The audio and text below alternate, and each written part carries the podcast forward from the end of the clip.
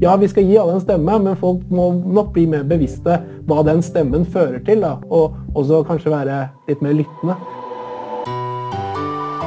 It's a disgrace. And I think they ought to apologize to start with. dominere mediebildet. A failing Media pile of garbage. False and fake, fake, fake, fake,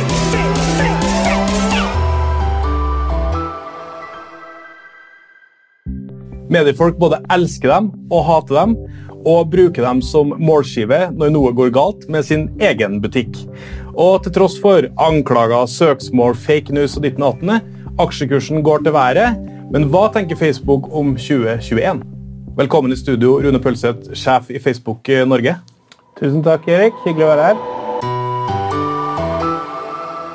Amedia, vår journalistikk og våre annonser når 2,3 millioner nordmenn hver dag over hele landet. av media. Sikre deg tilgang på det beste innholdet fra mediebransjen. Bli plusskunde i Medie24. Nå er det én krone for én måned uten binding. Vi ses på medie24.no. Det er jo vært et 2020 som har prega mediebransjen veldig tungt. Eh, Facebook eh, går det jo kanskje ganske bra med, eller hvordan kan du oppsummere tida for dere i Norge her? Jo, jo, takk for det. Absolutt. Vi kan vel ikke stille oss uh, først i den uh, klassen som skal klage over 2020 i forhold til det kommersielle. Men det er klart det har vært et, et annerledes år for, for, Facebook også. Det har vært mye som skjer. Det var jo det største som skulle egentlig skje det året, her var vel det amerikanske valget. men det, det, var stort, det. Men det er klart at pandemien har satt sine spor hos oss også. Mm. Du har vært på hjemmekontor siden mars, eh, nesten eh, som å være på en safari og få komme inn på, på dette i koronavennlig studio. vel å merke. Kan du si litt om eh, altså Facebook er jo fremst når det gjelder forretningsutvikling eh, veldig ofte, og som, eh, som, dere driver med. Det adopterer vi i, i mediebransjen etterpå. Kan du si litt om hvordan korona har påvirka liksom, den forretningsutviklinga, det å få rulla ut nye tjenester? altså? Ja, nei, altså, Den digitaliseringen vi ser nå, har vel ingen som hadde drømt om. Altså, det hadde sannsynligvis tatt eh, jeg skal ikke si ti år, men i hvert fall en tre til fem år før vi har vært på det nivået som vi er nå. Og det er klart, i den posisjonen vi er, med de produktene vi har, så har jo vi følt et veldig ansvar for å kunne fortsette å utvikle det. Særlig på, på Messenger-siden, altså med chats eller hjemmekontor, videoløsninger. Eh, eh, men også Workplace eh, som et kommunikasjonsverktøy for internkommunikasjon når alle sitter spredd og man ikke har den daglige oppdateringen. Og så er det klart at Facebook i seg selv, bare som en plattform, det første vi gjorde når dette skjedde, var å etablere et såkalt covid-senter. Hvor vi gikk eh, hardt inn med både de globale eh, helsemyndighetene, som WHF og sånne type ting, og det, også det lokale. Eh, og myndighetene, sånn at vi kunne få ut informasjon. I, starten var vi veldig usikre på hvor omfattende dette var, hvor farlig det var og osv. Så, videre. så Så alle våre deler av si, produktutviklingen har virkelig stått i høygir. Og på hjemmekontor. Mm. Så det har egentlig ikke vært noen pause for dere? Dere har vært i, vært i fullstendig produksjon hele tida? Ja, altså pluss litt til. Ja. Uh, og det er klart også at uh, bruken har også skutt i været. så, så alle delene rundt skal vi si, støttefunksjoner supportfunksjoner har vi måttet uh, rampe opp ganske betraktelig. Og, og, og, rekruttere også i en hjemmekontorsituasjon. Så det har vært uh, utfordrende, men jeg syns vi har fiksa det ganske bra. Mm. For dem som ikke kjenner til Facebook Norge, eh, hvor mange er dere egentlig, de som har sittet på hjemmekontor? Ja, Nei, altså Vi er en håndfull mennesker. Vi er ca. ti stykker som sitter nede i Barcode til vanlig. Eh, Eh, de, alle kontorene, Facebook-kontorene er såkalte kommersielle salgskontor i utgangspunktet. Jeg og to-tre stykker til har litt andre roller. Eh, en til policy og kommunikasjon og den biten der. Men resten sitter og jobber med våre største annonsører i Norge med de løsningene vi har å tilby. Eh, det er, men det er klart, bak der igjen så sitter det en matrise av støtte og funksjoner helt ned til, til USA, mm. eh, som hjelper oss med å få eh, ja, ting til å gå rundt her i Norge. Hvordan har det vært eh, for deg som toppsjef i Facebook Norge å, å håndtere korona internt? da? Jeg tror som alle andre toppsjefer så har dette her vært eh, veldig krevende, men også ekstremt lærerikt. Eh, og jeg må jo bare berømme det selskapet jeg jobber på for hvordan vi har liksom håndtert og gått inn med en gang. Vi gikk jo faktisk ut nesten to uker før egentlig lockdownen kom. Eh, fordi vi så hvordan dette eh, eskalerte i, i Østen og andre steder hvor vi har kontorer. Eh, og da satte egentlig hele sikkerhetssystemet i gang. For fikk alle hjem. Det viktigste var liksom å sikre enhver ansatt at vi visste at vi, de var trygge og, og, kunne fungere hjemmefra. Og så gikk vi egentlig inn i mer det skal vi si, um, samfunnsoppdraget jeg føler vi har gjort, med, med covid-senteret og, og relasjonen og i dialogen med myndighetene for å se hvordan vi kunne bruke plattformene våre proaktivt. Og så gikk vi egentlig inn i den kommersielle modellen. Eh, og her er alt blitt lagt til rette også fra, fra ledelsen på at vi kunne jobbe i de trinnene. Sånn at eh, jeg må si at jeg har lært fryktelig mye av den prosessen, og jeg tror at eh, det har vært en riktig prosess å gjøre også i den rekkefølgen. Mange i mediebransjen var jo redde da vi kom tilbake i mars. og liksom, Hvordan skal dette gå? Eh, annonsene våre forsvinner over natta osv. Dere rulla ut en, blant annet en sånn gründersatsing og så komme med noe, med noe bidrag til mediebransjen, i hvert fall i Europa og den type ting. Kan du si litt om hvorfor dere gjør sånne, sånne type ting overfor media? Det er klart, vi, vi, føler et ekstremt ansvar også i, i, ikke bare i størrelsen av det selskapet og størrelsesmessig, men også det eh, altså, hvordan vi kan klare å påvirke på en positiv måte.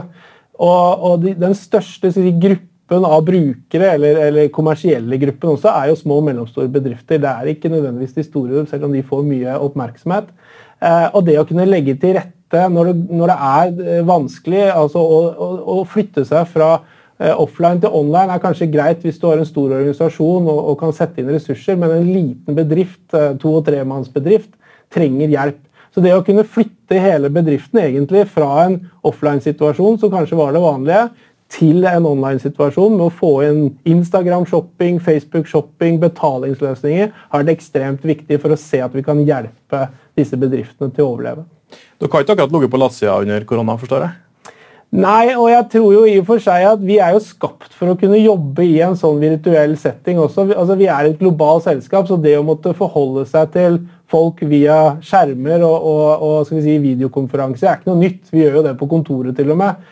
Så jeg tror at vi adopterte det ganske kjapt. Eh, og så handler det om å sette riktige prioriteringer. og Der syns jeg vi har fått veldig god hjelp av ledelsen til å ja, fokusere på de riktige tingene. Du er glad du ikke kommer fra en, eh, en printverden eh, nå, med, med, å ha den legacyen i, i, Facebook, at man starta med papiravis og gikk over til digitalt? Jeg tror ikke det er så veldig mange i mediebransjen som tenker sånn nå. Altså, jeg tror nok, altså, Det er nok faktisk mer kanskje i sluttenden og brukerenden og eh, en del bedrifter som har mer den legacyen av en etablert, gammel, tradisjonell businessmodell som er hard å bryte ut av fordi den har vært så lønnsom. Mm. Jeg tror mediebransjen har vært gjennom dette så lenge og var en av de første som fikk den skal vi si, eh, nedbrytningen av den tradisjonelle modellen. At uh, jeg tror nok de fleste mediebransjene eller mediebedriftene har klart dette her ganske greit. Uh, digitaliseringen messig, i hvert fall. Ja, og Du kommer jo også fra mediebransjen og, og, og kjenner til den på mange måter. Som, som norgessjef så, så, tror jo mange mediefolk eh, i Norge at du kan svare for alt Facebook gjør knytta til journalistikk, innhold, sensur, anklager, ditten og datten. Men egentlig så er du jo hovedsakelig kommersiell. Eh, hvor irriterende er det å svare på alle de spørsmålene om policy og ditten og datten? Eh? Nei, det er ikke irriterende. Eh, det er eh, men mer kanskje at man ikke føler alltid at man klarer å svare helt og lukke det forventningsskapet. Men det er klart, jeg er også ansatt for å være det fjeset i Norge som skal ta de forespørslene. Og vi, vi løper de inn i systemet. Som jeg sa, at det sitter, selv om vi er ti stykker, så sitter det kanskje fire, fem, seksgangeren så mange mennesker som umiddelbart vil komme til å hjelpe til når vi trenger. Eh, det vi kanskje ber om noen ganger, er litt tålmodighet. Må heller ikke glemme at alle våre ansatte sitter på hjemmekontor. Og vi har tenkt å sitte kanskje litt lenger enn alle andre også.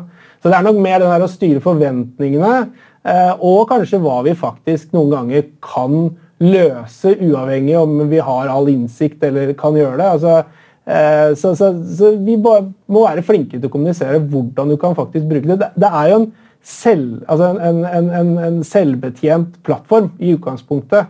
Eh, og Det er sånn alle systemene våre er lagt opp til. Så vi må heller påse at disse systemene fungerer optimalt. Ja, for Vi er jo vant til å lese i media om liksom, eh, eh Facebook har fjerna meg, Facebook har tatt ned ditten eh, sensur, og så ringer en journalist og skal ha svaret, og så venter man på sleget i kommunikasjonen som kanskje kommer en dag eller to senere, for man må avsjekke i Irland og avsjekke i USA og sånne type ting. Er det på tide å liksom lage et kom-team som kan svare dag for dag, time for time, og som på en måte er kobla på den medierealiteten sånn som vi er vant til i dag? Jeg tror det er urealistisk å få til. Når det er sagt, så har vi et komsteam. Det sitter fem stykker og jobber med Norge når de trenger det. Det, er et nordisk team, men vi har jo ikke ting gående kritisk i alle landene. Så, så den skal vi si, dynamikken der, den, den, fungerer. Og jeg opplever at de fleste henvendelser går via meg, eller at jeg er toucha på de, og vi svarer relativt kjapt. Og så er det, skjønner jeg deadline-problematikken, men noen ganger så har vi faktisk ikke det svaret. heller. det kan være ting som har dukka opp som vi trenger etterrettelighet til å, til å sjekke opp. Og da får vi heller komme tilbake til det. Så det er litt sånn som vi snakker om support med menneskelig kommunikasjon til 2,7 milliarder mennesker. Det, det, det, går ikke. Eh, og sånn vil det nok være på en del andre typer ting også. At vi er nødt til å, å, å skalere det ut fra at vi er et globalt selskap. Men, men vi som jobber her, vi skal i hvert fall gi svar og være tilgjengelig, og det føler jeg vi har vært eh, og gjort siden vi starta kontoret her. i hvert fall for fem år siden. Ja, en, Fra et kommunikasjonsperspektiv så er det jo også en, kanskje en fordel for dere at, man, eh, at det ikke står i sakene at Facebook ikke kunne svare, Facebook har ikke kontaktet oss, den type ting. Men vi blir kanskje en liten mygg i den globale sfæren som dere faktisk opererer i? da, eller? Nei, Jeg vil ikke bruke ordet mygg, men, eh, men det er klart at uh, det er, det er, komplekse ting. altså Det, det gjerne forespørslene kommer på, er lokale ting som vi ikke nødvendigvis har løpende innsikt i altså i et komsteam som jobber med store, altså hele det globale perspektivet. Og Jeg, jeg syns liksom en dag, ja, det kan være, men på generelle spørsmål så svarer vi nok eh, med en gang. Eller mm. jeg svarer med en gang. Eh, og det er jo gjerne på kommentarer, så, så, er vi på. Men er det ting vi, som dukker opp, og vi ønsker å ha etterrettelighet på det, så tar vi oss den tida det er, så ikke vi svarer feil. Facebook er verdens eh, største publisist. Eh, og dere har jo svart på spørsmål er vi et teknologiselskap, et medieselskap. Men du er vel en veldig eh, viktig redaktør i dette landet? Nei, Jeg vil ikke påstå at jeg er redaktør for noe som helst. Det er brukerne som genererer innhold, og dere, eh, altså redaktører i deres egne bedrifter. Og, og nå etter hvert også bedriftene selv som genererer det innholdet. Så, så summen av det gjør jo at innholdet ligger der, men jeg, jeg har ingen redaktørrolle i så måte. Algoritmen som er overredaktøren vår? Ja, men jeg tror at algoritmene, altså Det er vel en algoritme som styrer VG og Dagbladet også, så vidt jeg vet. Så, så, det der er vel en sånn uh, verden som går da fra det mer skal vi si, tradisjonelle måten å gjøre ting på, som vi ser i alle deler av samfunnet, men også i det medieperspektivet. For det, det skal være relevant, det skal være kjapt og det skal være etterrettelig. Eh, og, og, da tror jeg at eh, det teknologiske skal vi si, sammensmeltningen der den utfordrer nok en del uh, måter vi har tenkt på til nå, uavhengig om det er bare mediebransjen, men, men bransjene generelt. Men Hva tenker du som, som Facebook Norge-sjef eh, om deres ansvar når det gjelder ytringsfrihet, når det gjelder eh, eh samfunnsdebatten osv.? Foregår det tanker hos dere der, eller er det rene algoritmer og teknologi? Nei, Jeg syns vi har vært ganske tydelige med det. Altså, Nick Clegg, vår globale PR-sjef, har også vært tydelig på at eh, vi tar det ansvaret som vi er å gjøre. Altså, vi har fokus på hva som ikke skal være på vår plattform, og der tar vi nå ned over 99% og kanskje opp mot 100% av innhold. Altså, da snakker jeg om terrorinnhold, nakenhet, vold, trusler, utsatte grupper uh, osv. Kjønn, uh, religion. Sånne type ting er nesten nå borte fra plattformen, og, og mesteparten tas bort før det faktisk kommer ut til brukeren. Og så vet jeg at det finnes enkelte gråsoner som er vanskeligere å håndtere. Vi Vietnam-bildet, f.eks. Ja, den løste vi jo ganske greit, og der lærte vi jo ganske godt. Og, det er jo faktisk en av tingene også, da, at vi, vi, vi er, går inn og sjekker og hvordan dette påvirker oss, er, er lyttende. Det mener jeg bestemt. Og, og gjør endringer, sånn som Vietnam-bildet. altså Ikoniske bilder nå er ikke eh, noe utfordring. Så kan det selvfølgelig maskinmessig være at noe blir tatt ned eh, først, men det vil eh, settes tilbake. Men, men, litt tilbake til poenget at jeg tror vi, vi, er nødt til å, å, å, forholde oss til de retningslinjene vi setter, og, og vi etterfølger de eh, beinhardt. Og der, der, der, har vi null toleranse på de, eh, de, områdene som vi også mener globalt sett setter en moralsk standard. Amedia, vår journalistikk og våre annonser når 2,3 millioner nordmenn hver dag over hele landet. Amedia. Sikre deg tilgang på det beste innholdet fra mediebransjen. Bli plusskunde i Medie24. Nå er det én krone for én måned uten binding. Vi ses på medie24.no. Jeg tenkte Vi skulle egentlig komme tilbake til det, men vi kan ta det nå med en gang siden du først er inne på det. Eh, en ting som både vi og dere kjemper mot, er jo falske nyheter. Eh, og, og, hvordan vi skal klare å, å, takle det. Det er jo identifisert som en av de store utfordringene i vår bransje nå, men kanskje også for demokratier og det som er. Eh, hva gjør Facebook for å deale med fake news? Altså, Der syns jeg vi har vært flinke og lokalt for å ta det. altså Med faktisk.no. Vi var vel en av også fødselshjelperne til det, sammen med mange av dere mediene. og Her har vi vært inne og sagt at her skal vi være med og drive, og vi skal utfordres på å faktisk få faktisk.no til å fungere. Eh, og vi får mye bra feedback både fra brukerne våre og fra redaksjonene, og ikke minst fra faktisk.no selv. Gjør dere, noe, gjør dere noe, annet eh, også utover de rene faktasjekkene? For de er jo reaktive på mange måter. Hvilke proaktive tiltak gjør dere? Det er klart maskinlæringsbiten, og det er gjennomgående på alt vi gjør. ikke sant? Altså, eh, vi er nødt til å få teknologi til å virke hvis det skal skalere, som vi var litt inne på i stad også.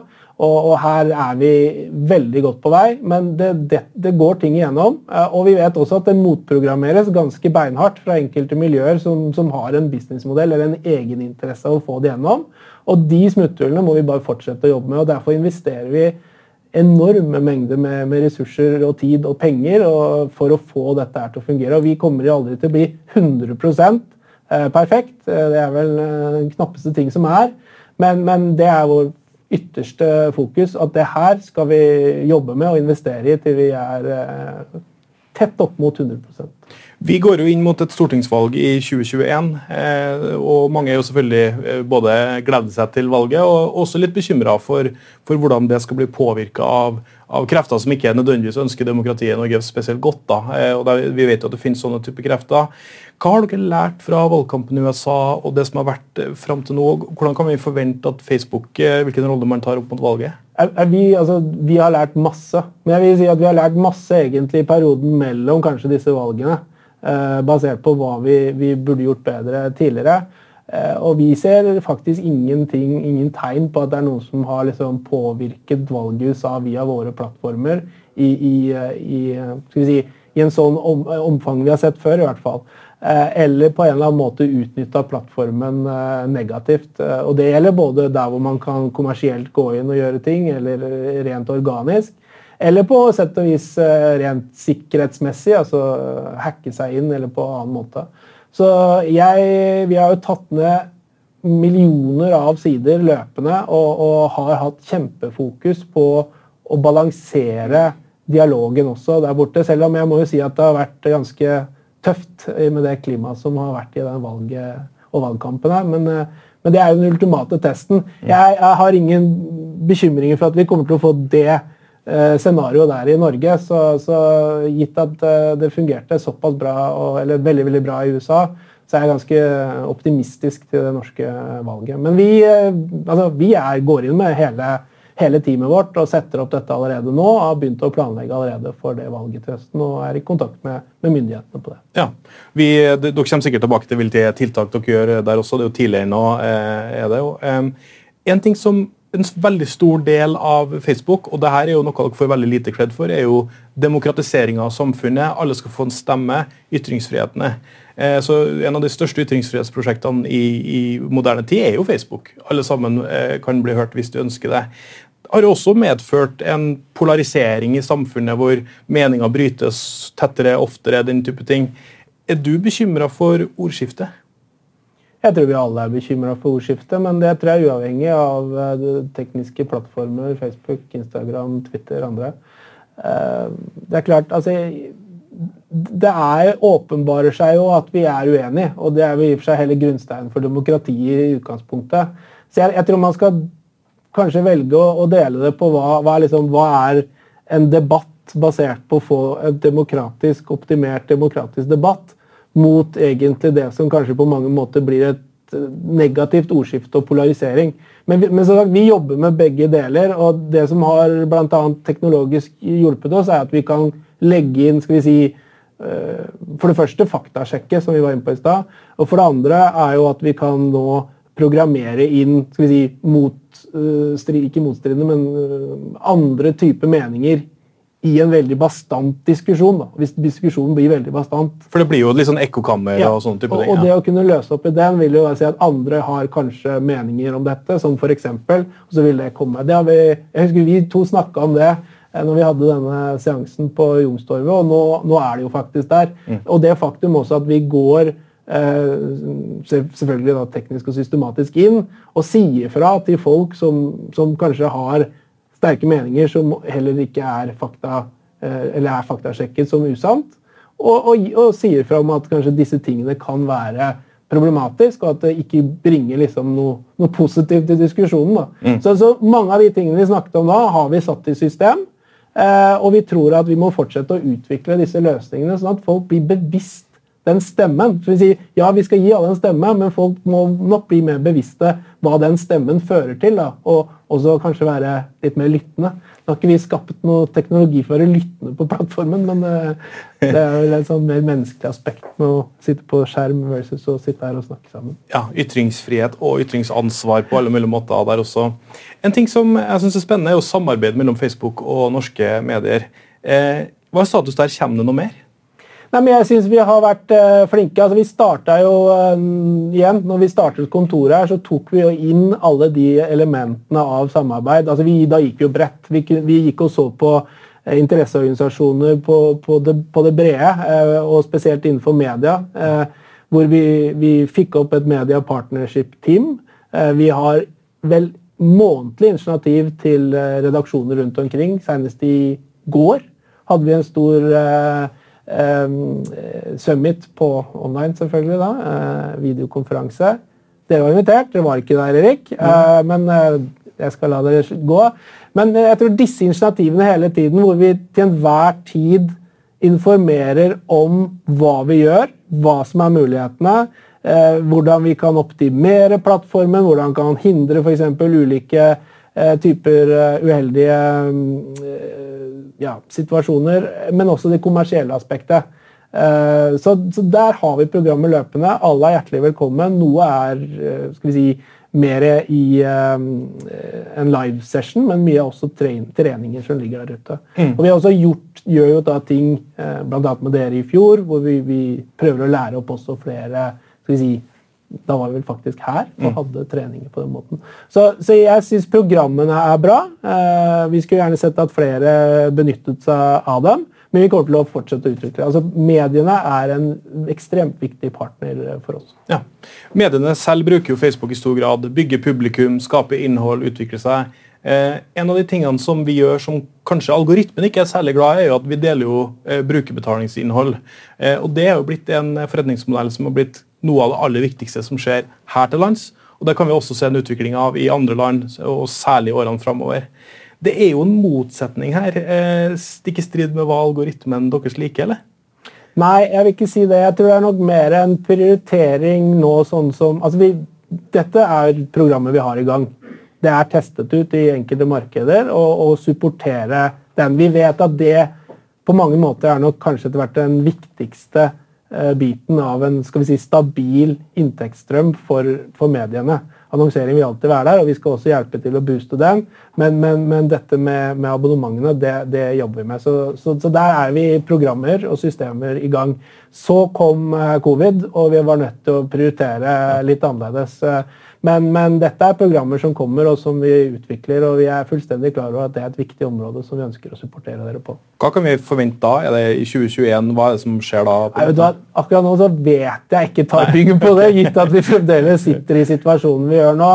Men, eh, men eh, ja, jeg jeg får heller komme tilbake igjen til litt mer konkret hvordan det er. Men vi skal, så fort vi har mer informasjon, selvfølgelig dele det med, med dere og andre. Ja. Mange har jo fått med seg debatten i Australia om eh, betaling av, eh, for medieinnhold. Veldig interessant. Eh, Jeg regner med at EU følger spent med på, på hva som skjer der. Hvordan ser Facebook på den saken internt? Nei, altså, Vi må forholde oss til de lokale skal vi si, initiativene eller retningslinjene som, som legges ut for det. Og, og, og det, Jeg har ikke noe mer i innsikt enn det enn det som har stått i media. Vi følger det selvfølgelig lokalt her, er tett på Medietilsynet, er tett på dere som eh, redaktører på hvordan man ønsker å, å gjøre dette. Men dette er jo også en eh, juridisk vurdering land for land, region for region, så, så det har jeg egentlig ikke noe mer innsikt i. Nei. Vi var litt inne på det med forretningsutvikling litt tidligere. Dere har rulla ut mange nye tjenester for SMB-markedet, særlig i, i, 2020, for å avhjelpe i den koronasituasjonen som, som nå har vært. Eh, la oss eh, sette oss litt i glasskula og se inn i 2021. Eh, hva er det vi som mediebedrifter kan forvente at dere har fokus på? For veldig mye av det dere gjør, prøver jo vi å enten etterligne eller prøve å gjøre bedre. Ja, altså, jeg det som er interessant, syns jeg, å se på det vi kaller for annonsering og markedsføring, er jo at eh, det utkrystalliserer seg et par linjer her, eller et par skal vi si, eh, løsninger som, som, som, avviker litt fra den tradisjonelle måten å tenke annonsering og markedsføring. Altså, mange driver egentlig ren distribusjon og salg på plattformen. Altså, så det handler ikke om i utgangspunktet den tanken rundt og følelser og liksom engasjere seg i brand og sånn. Det, det, det, selges produkter. Mm. Og der er nok den største skiftet fra Det var liksom e-commerce som noen drev med, særlig de nye digitale direkte netthandlerne som drev med det. Nå ser vi jo at alle skal jo inn i den området. Til og med merkevareannonsørene bygger jo nå egne nettbutikker.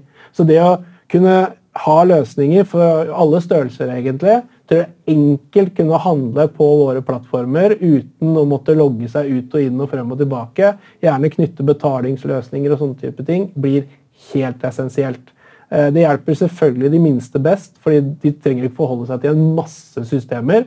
Men også for de største. Men det er klart, her har vi andre typer utfordringer som vi, vi jobber med. altså Det at uh, piksler og, og, og, cookies rett og slett er i ferd med å dø. Mm. Uh, så vi må tette inn på det vi kaller liksom for en server-til-server-løsning. For å få uh, mer informasjon og, og, mer effektivitet, også i henhold til, til eh, målinger og den type ting. Så vi blir mer tekniske i måten vi tilnærmer oss markedsføring på. Eh, I hvert fall på, på, Facebook og Instagram for neste år. Eh, så der har vi en ganske stor opplæringsjobb å gjøre for en god del markedsførere der ute, som, som, som må kunne tenke hele trakta, hele salgstrakta. Alt fra eh, altså merkevarebyggende eh, tiltak og helt ned til det faktisk å følge salget rett inn i kassaapparatet. Nå ser vi jo også at eh, Facebook tillater jo eh, betalte arrangementer eh, med streaming og den type ting. Mm. Du skal aldri kunne forlate Facebook, virker som det er all in one. Ja, altså, nå er det jo mye av dette her som har kommet fordi man ikke har forlatt hjemmet sitt de siste ni til tolv månedene. Og, og, det er klart at det har vært for å hjelpe, avhjelpe bransjer som virkelig har slitt. Vi vet at kultur, kunst- og kulturbiten har slitt. Mm. Uh, så dette var ikke noe som var planlagt i 2021-biten, men vi så hvordan det utviklet seg. Og vi så også de initiativene som kom som var kjempespennende uh, i hele verden. Hvor folk lagde hjemmekonserter. Men vi så at vi mangla den siste biten. Uh, masse bra konserter, men lite penger i kassa. Så det å gå inn da var jo i og for seg også for å hjelpe en, en sårt trengt eh, bransje til å kunne tjene penger på, på innholdet sitt og på opprett, også rettighetene sine. No-brainer, rett og slett? Nei, men igjen da, så mener jeg at det, det spennende med å jobbe i, vårt, eh, i, Facebook, og vi er ekstremt gode på det, det er å være datadrevet. Altså, vi ser hva folk gjør, vi ser hva folk vil, og så utvikler vi etter det. Vi utvikler ikke noe og så sier vi at dette skal du ha. Så vi er jo etter altså Det er alltid forbrukeren som går først. Uh, vi snakka om det med, med mobilen. Altså, vi var jo på iPhone 8 før alle klarte å lage mobile hjemmesider. Mm. Så forbrukeren løper alltid først. Men for vår del så er det jo da å bruke den innsikten vi får, og være så tett opptil si, forbrukerens uh, reaksjonsmønster. Og særlig når det skjer sånn som vi gjorde nå, vi alle plutselig skal være hjemme. Da kan vi ikke ha ni måneders lead-tid på å lage noe. Da gjør vi det der og da, og så lager vi en løsning, og så utvikler vi noen tid. Så det, det, er, det er, vår businessmodell. Altså. I, I mediebransjen sier vi 'follow på', for faen'. Det er litt sånn, Du kjenner til det fra, fra, tidligere. Hvis vi, La oss si Rune, at vi sitter her nå i desember 2021, mm. eh, og du skal se inn i glasskula. Hva håper du at Facebook eh, har, har, gjort i, i, løpet av det året som, som kommer nå? Jeg, jeg, jeg håper at vi fortsetter å kunne supportere. Altså, vi, som vi var inne på i stad, vår businessmodell eh, går bra. Og det er selvfølgelig fordi vi kommer fra det digitale stedet hvor alle går til nå. Altså, vi, vi har løsninger som folk vil ha. Så jeg, jeg, er ikke på noen som helst måte bekymret for min, si, vår egen businessmodell. Men, men, det er jo også businessmodellen vår å, skape et sted hvor folk har lyst til å være. Som engasjerer, og som, som er relevant for de å bruke tid på. Og da mener jeg at vi, kan, at vi fortsetter å utvikle de løsningene her nå for medier, for små, store og mellomstore bedrifter. Løser en del av de teknologiske utfordringene vi ser, som også kanskje går på privacy og denne type ting, som vi ser framover. For de store aktørene. Altså det, det, er noen utfordringer der oppe også. Eh, og ikke minst på, på, på brukernivå, hvor vi håper at vi kanskje kan komme inn i en ny fase nå med pandemien og se om vi kan støtte eh, hva det måtte være da, for å komme i gang og hjelpe samfunnet tilbake igjen. og den biten. Så kan dette høres eh, kanskje ut som liksom, at vi skal redde verden, på en måte, men, men, vi har de verktøyene som i hvert fall kan legge til rette for å hjelpe mm. til en sånn uh, transaksjon. Og så har vi selvfølgelig valget i Norge, som jeg håper vi kan sitte her og være stolte av godt, uavhengig hvem vi stemmer på. Mm. Eh, ja, sånn at vi kan fortsette å fortsette de positive tingene som vi har sett vi har gjort i 2020, også i 2021. Du har sittet som Facebook Norge-sjef nå i, fem år. Er det du som sitter i stolen her i desember hvis jeg inviterer deg tilbake?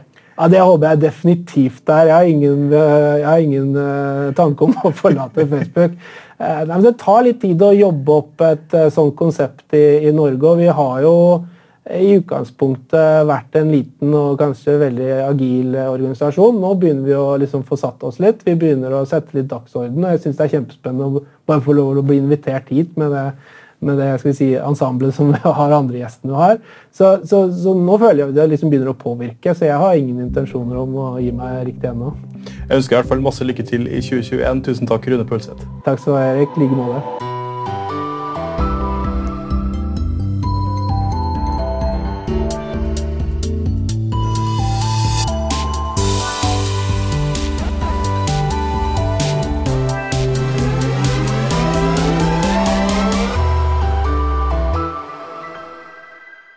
Amedia. Vår journalistikk og våre annonser når 2,3 millioner nordmenn hver dag over hele landet.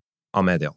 Sikre deg tilgang på det beste innholdet fra mediebransjen. Bli plusskunde i Medie24.